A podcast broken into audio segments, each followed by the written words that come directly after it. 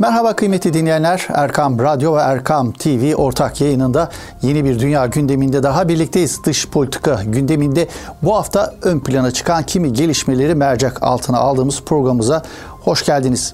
ABD ile Çin arasındaki güç savaşında sular ısınırken transatlantik ilişkilerindeki çatlaklar da derinleşiyor. Afganistan'da çuvallayan ABD Orta Doğu'dan da çekilmeye hazırlanırken ABD'siz Orta Doğu'yu neler beklediği sorusu uluslararası analizlerde cevabı aranan sorular arasındaki yerini koruyor. Sadece İdlib değil, Suriye'nin geleceğine hatta Türkiye-Rusya ilişkilerinin geleceğine ilişkin önemli kararlar çıkması beklenen Cumhurbaşkanı Erdoğan ve Rusya Devlet Başkanı Putin'i bir araya getirecek olan Soçi zirvesi 29 Eylül'de gerçekleşecek. Zirvenin sonuçları merakla bekleniyor. Afganistan'da dünya gündemindeki yerini koruyor. Afganistan'daki gelişmeler ilişkin ön plana çıkan soru ise Taliban'ın ülkeyi yönetme sınavında ne derece başarılı olacağı idi. Bu haftanın yoğun dünya gündemine dair cevapları aranan kimi sorulardı bunlar sevgili dinleyenler. Dünya gündemi programımızda bu hafta iki gelişmeyi mercek altına alacağız. Birincisi Avustralya, İngiltere ve ABD'nin Çin'i çevrelemeye yönelik AUKUS paktı hamlesi olacak. Diğer dosya konumuz ise ABD'nin çekilmeye hazırlandığı Orta Doğu'yu neler bekliyor sorusunun cevabını vermeye çalışacağız. Avustralya, İngiltere ve ABD'nin açıkladıkları yeni askeri ittifak ve bu ittifakın yaptığı hamlelerin yansımaları uluslararası analizlerde bu hafta en çok konuşulan konulardan biriydi. ABD ile Çin arasındaki hegemonya savaşı günden güne daha da kızışıyor. ABD Başkanı Biden son Birleşmiş Milletler Genel Kurulu'nda yeni bir soğuk savaş istemiyoruz dese de ABD Çin ilişkileri yeni bir soğuk savaş modunda ilerliyor. Çin ile ABD arasındaki güç mücadelesinde ya da rekabetinde makasın Pekin lehine hızla kapandığını söylememiz gerekiyor. Peki bu kapanma gerçekten ABD'yi rahatsız edecek boyutta mı? Obama'sından Trump'ına ve yeni başkan Biden'a kadar Beyaz Saray yönetimleri bu makasın Pekin lehine kapanmasının önüne geçebilmek için her yolu deniyor. Afganistan'dan çekilen ve Orta Doğu'dan da Çin'i durdurmak için çekilmeye hazırlanan ABD açısından tablo gerçekten de ABD'yi panikletecek boyutta mı? ABD-Çin rekabetinde ya da küresel hegemonya yarışında tablo evet ABD'yi panikletecek boyutta. Neden mi? ABD ve müttefiklerini endişelendiren tabloya gelin biraz daha yakından bakalım isterseniz. Son 15 yılda ABD ile Çin arasındaki rekabette ekonomik, mali, askeri, teknolojik denge Çin lehine hızla değişiyor ve değişmeye de devam ediyor.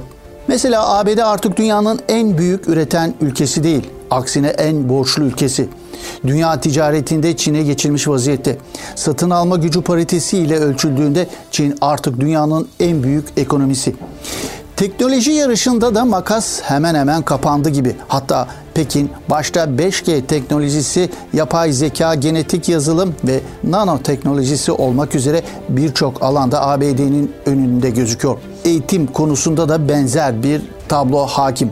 Sadece ekonomi ve teknoloji anlamında değil, Pekin uluslararası alanda siyasi ağırlığını da artırmış vaziyette. Çin, dünya ticareti içindeki ağırlığına paralel kredi veren bir ülke olarak da önemi son 20 yılda hızla arttı. Çin'in 150'den fazla ülkeye verdiği kredilerin toplam değeri 1.8 trilyon dolara ulaşıyor. Bu da dünya hasılasının %5'i gibi çok çarpıcı bir düzeye yükselmiş bulunuyor.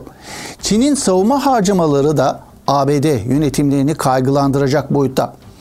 2000 ile 2019 döneminde ABD'nin savunma harcamaları yaklaşık %53 oranında artarak 470 milyar dolardan 718 milyar dolara yükselirken aynı dönemde Çin'in savunma harcamaları %400 dolayında artarak 72 milyar dolardan 266 milyar dolara yükselmiş. 10 yıl içinde nükleer cephaneliğini de ikiye katlayacak olan Çin'e karşı ABD'nin askeri anlamda da caydırıcılığını yitirmeye başladığını söylememiz gerekiyor. ABD-Çin rekabetine ilişkin Çin lehine ortaya çıkan bu tablo hem ABD hem de ABD'nin kimi müttefikleri açısından endişe verici bulunuyor. bunun önüne geçebilmek için de birlikte hareket ediyorlar. Son yıllarda Hint-Pasifik hattında yaşanan gerilimin ardında da ABD'nin Çin'i kendi bölgesinde sınırlama gayreti var. Bunu da hem bölgedeki hem de bölge dışındaki müttefikleriyle gerçekleştirmeye çalışıyor. Bu arada Pekin yönetimi Hint-Pasifik bölgesinde giderek güç kazanmaya, etkinliğini artırmaya devam ediyor. Çin'in bu bölgedeki etkinliğinden kaygı duyan ABD, Avustralya, Hindistan ve Japonya dörtlü güvenlik diyaloğu ya da diğer adıyla Quad ittifakı ile aralarındaki işbirliğini güçlendirme ve yeni silah sistemleri edinme yoluyla 2007 yılında Çin'e karşı bir denge kurma yoluna gitmişlerdi. Quad ittifakı aslında ilk olarak 2004 yılında Hint okyanusunda gerçekleşen tsunami afetinin meydana getirdiği insani kriz sonrası ortaya çıkmıştı. Bu felakete karşı ABD, Japonya, Avustralya ve Hindistan askeri bir işbirliği gerçekleştirmişti. 2007 yılında ise Japonya Başbakanı Shinzo Abe bu işbirliğini modelinden yola çıkarak Quad grubunun oluşturulmasını önermişti. Grup sonraki süreçte Güney Çin denizinde gerçekleştirdiği askeri tatbikatlarla Asya'nın NATO'su yakıştırmalarıyla Çin'i çevrelemeye yönelik bir misyon üstlenmişti. ABD'nin Çin'i çevreleme ve çöken küresel hegemonyasını kurtarmaya yönelik son hamlesi ise AUKUS ismi altında üçlü bir güvenlik paktı oluşturulması oldu.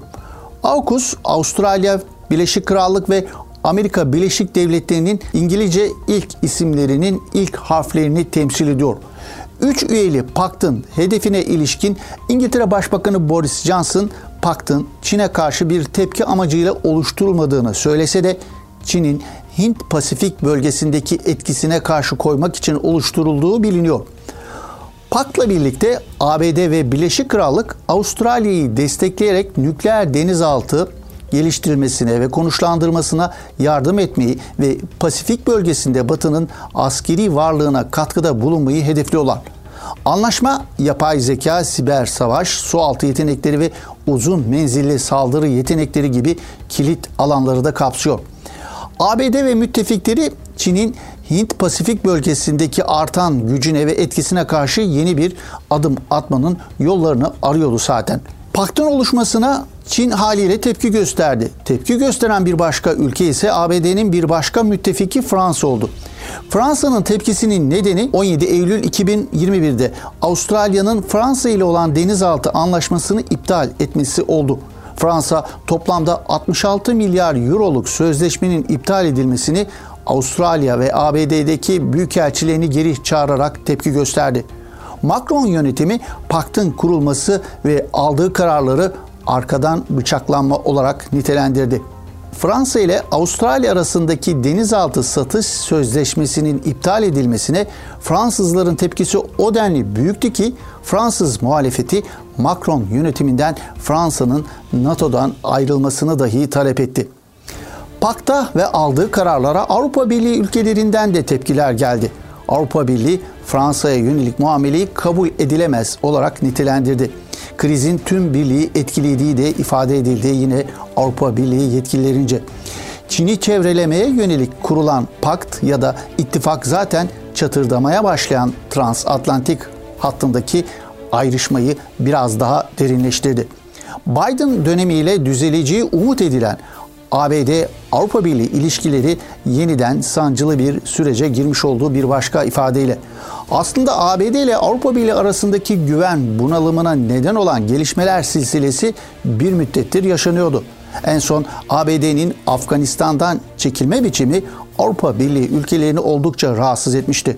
Avrupa Birliği Konseyi Başkanı Charles Michel, Afganistan'da olanlar gözümüzü açmalı diyerek bu rahatsızlığı dilendirmişti.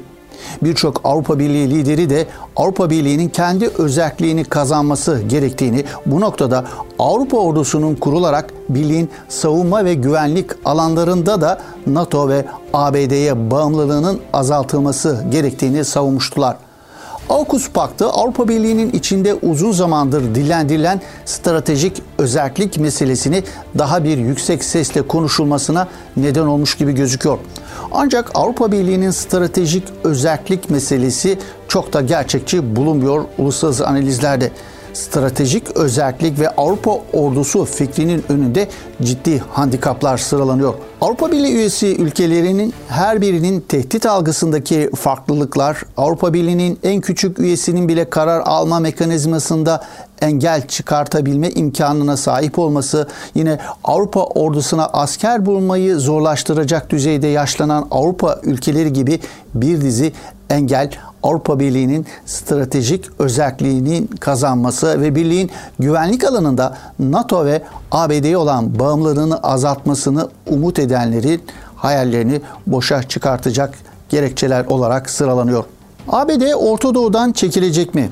Amerika Birleşik Devletleri'nin Orta Doğu'dan çekilip çekilmeyeceği ya da bu çekilmenin ne şekilde olacağı sadece Irak'tan mı yoksa Suriye'den de çekileceği mi soruları soruluyor uluslararası analizlerde ve bu hafta en çok konuşulan konulardan biriydi bu konu. ABD'nin çekildiği Orta Doğu'yu neler bekliyor sorusu yine bu haftanın en çok ön plana çıkan sorularından biriydi. Evet ABD Başkanı Joe Biden geçtiğimiz Temmuz ayında Beyaz Saray'da Irak Başbakanı Mustafa Kazimi ile görüşmesinin ardından yaptığı açıklamada ABD ordusuna bağlı muharip güçlerin yıl sonuna kadar Irak'tan ayrılacağını, eğitim ve danışmanlık desteği veren askerlerin ise Irak'ta görev yapmaya devam edeceğini açıklamıştı. Ancak bu açıklamaya ve küresel analizlerde de dillendirilen beklentilere hatta ABD sonrası Orta Doğu'yu neler beklediğine ilişkin dillendirilen senaryolara rağmen netleşen bir durum yok. Ama tüm bu gerçekliğe rağmen ifade ettiğimiz gibi Orta Doğu'da ABD'den boşalan alanı kimlerin dolduracağı, bu çekilmeden hangi bölgesel ve küresel aktörlerin daha çok yararlanacağı gibi soruların cevaplarını aramaya devam ediliyor uluslararası analizlerde. Bu konudaki değerlendirmelerin, senaryoların çokluğu gerçekten dikkat çekici. Bu değerlendirmelere değineceğiz ama önce ABD'yi çekilmeye iten sebeplere kısaca değinmek istiyoruz. ABD'nin Orta Doğu'dan çekilme niyeti yeni değil aslında. Trump hatta Obama döneminden bu yana ABD Irak'tan çekilmeye hazırlandığı yönündeki ifadeleri sıklıkla gördük analizlerde. Hatta Biden 2021 yılının sonu itibariyle Irak'tan tamamen çekileceklerini duyurmuştu Mustafa Kazimi ile yaptığı görüşme sonrası. Peki neden? ABD'nin Orta Doğu'dan çekilme gerekçelerine ilişkin olarak en önemli neden değişen jeopolitik dengeler. Az önce ifade ettiğimiz gibi ABD'nin küresel hegemonyasını tehdit eden, bu anlamda aradaki makası sürekli kapatan Çin'e odaklanacağı bir önceki analizimizde de dillendirmiştik. ABD'nin Orta Doğu'dan çekilmesinin nedenlerine ilişkin zikredilen bir başka neden ise ABD'nin Orta Doğu'daki varlığının en önemli gerekçelerinden biri olan İsrail'in güvenliği ve çıkarlarının tahkim edilmesiydi. Bugün artık İsrail'in güvenliğini tehdit eden riskler çok önemli oranda minimize edilmiş durumda. İsrail ile ilişkileri normalleştirme kuyruğuna giren Arap ülkeleri açısından İsrail artık işgalci güç ya da düşman değil. Aksine ortak düşmanları olan dost bir ülke. Hatta İsrail ABD ile birlikte onların güvenliklerini temin eden stratejik ve ekonomik müttefik durumunda. Peki ya İran tehdidi ya da İran'ın yayılmacı politikaları? ABD'nin bu konuda da çok endişeli olduğu söylenemez. Gölge CIA olarak zikredilen Stratfor'un kurucusu ve başkanı George Friedman, Political Futures isimli haber sitesinde ABD'nin Orta Doğu'daki askeri varlığını azaltması planının ardındaki dinamikleri ele aldığı yazısında şu çarpıcı tespitte bulunuyor. İran'ın Orta Doğu kamuoyundaki algısı İsrail'e saldıracak ülke gibi görünse de aslında İran'ın gerçek hedefi Sünni Arap dünyasıdır. Friedman'ın bu tespitinden İran'ın Arap coğrafyasında yayılma stratejisinden ABD'nin çok da rahatsız olmadığı anlaşılıyor. Aksine bu durum ABD'nin Sünni dünyayı Şii İran ile dengeleme politikasının bir parçası olarak görülüyor. Bu politika başta zengin körfez ülkeleri olmak üzere Sünni Arap dünyasının daha çok ABD'ye yaslanmalarını sağlıyor. Yani İsrail açısından ne zayıflamış ve boyun eğmiş bir Arap dünyası ne de yayılmacı stratejisini Sünni Arap dünyası üzerine kuran İran kaynaklı varoluşsal bir tehdit söz konusu değil İsrail açısından. Ancak tüm bu gerekçelere rağmen ABD'nin Orta Doğu'dan çekilmesinin tam bir çekilme olmayacağı da ileri sürülüyor. Buna göre ABD'nin Irak'taki çekilmesinin önemli bir kısmı yer değiştirme şeklinde olacak. ABD Irak'ın Sünni kesimlerinden çektiği birliklerinin bir kısmını Kuzey Irak'taki Kürt bölgelerine yerleştirirken bir bölümünü de Kuveyt ve Ürdün gibi ülkelere kaydıracak. ABD'nin Irak'ı tamamen İran'a bırakmak istemediği vurgulanıyor. ABD'nin Orta Doğu'dan çekilme planından en çok tedirginlik duyanların başında ise Suriye'deki SDG çatısı altında toplanan terör unsurları geliyor. Terör örgütü IŞİD ile savaşıyorlar kılıfıyla Amerika tarafından palazlandırılan terör örgütünün sözde yöneticileri ve Washington'daki kimi çevreler ABD'yi Suriye'de tutma adına IŞİD tehdidinin sürdüğünü ileri sürüyorlar. Amerikalılar Afganistan'daki müttefiklerini yüzüstü bıraktıkları gibi Suriye'de himaye ettikleri terörist müttefiklerini de yüzüstü bırakır mı peki? ABD'nin özellikle Suriye konusundaki politikasızlığı göz önünde alındığında bunun hiç de ihtimal dışı olmadığını söylemek gerekiyor. ABD Merkez Kuvvetler Komutanı General McKenzie'nin yakın zaman önce Suriye'deki terör unsurlarını ziyaretinde söyledi.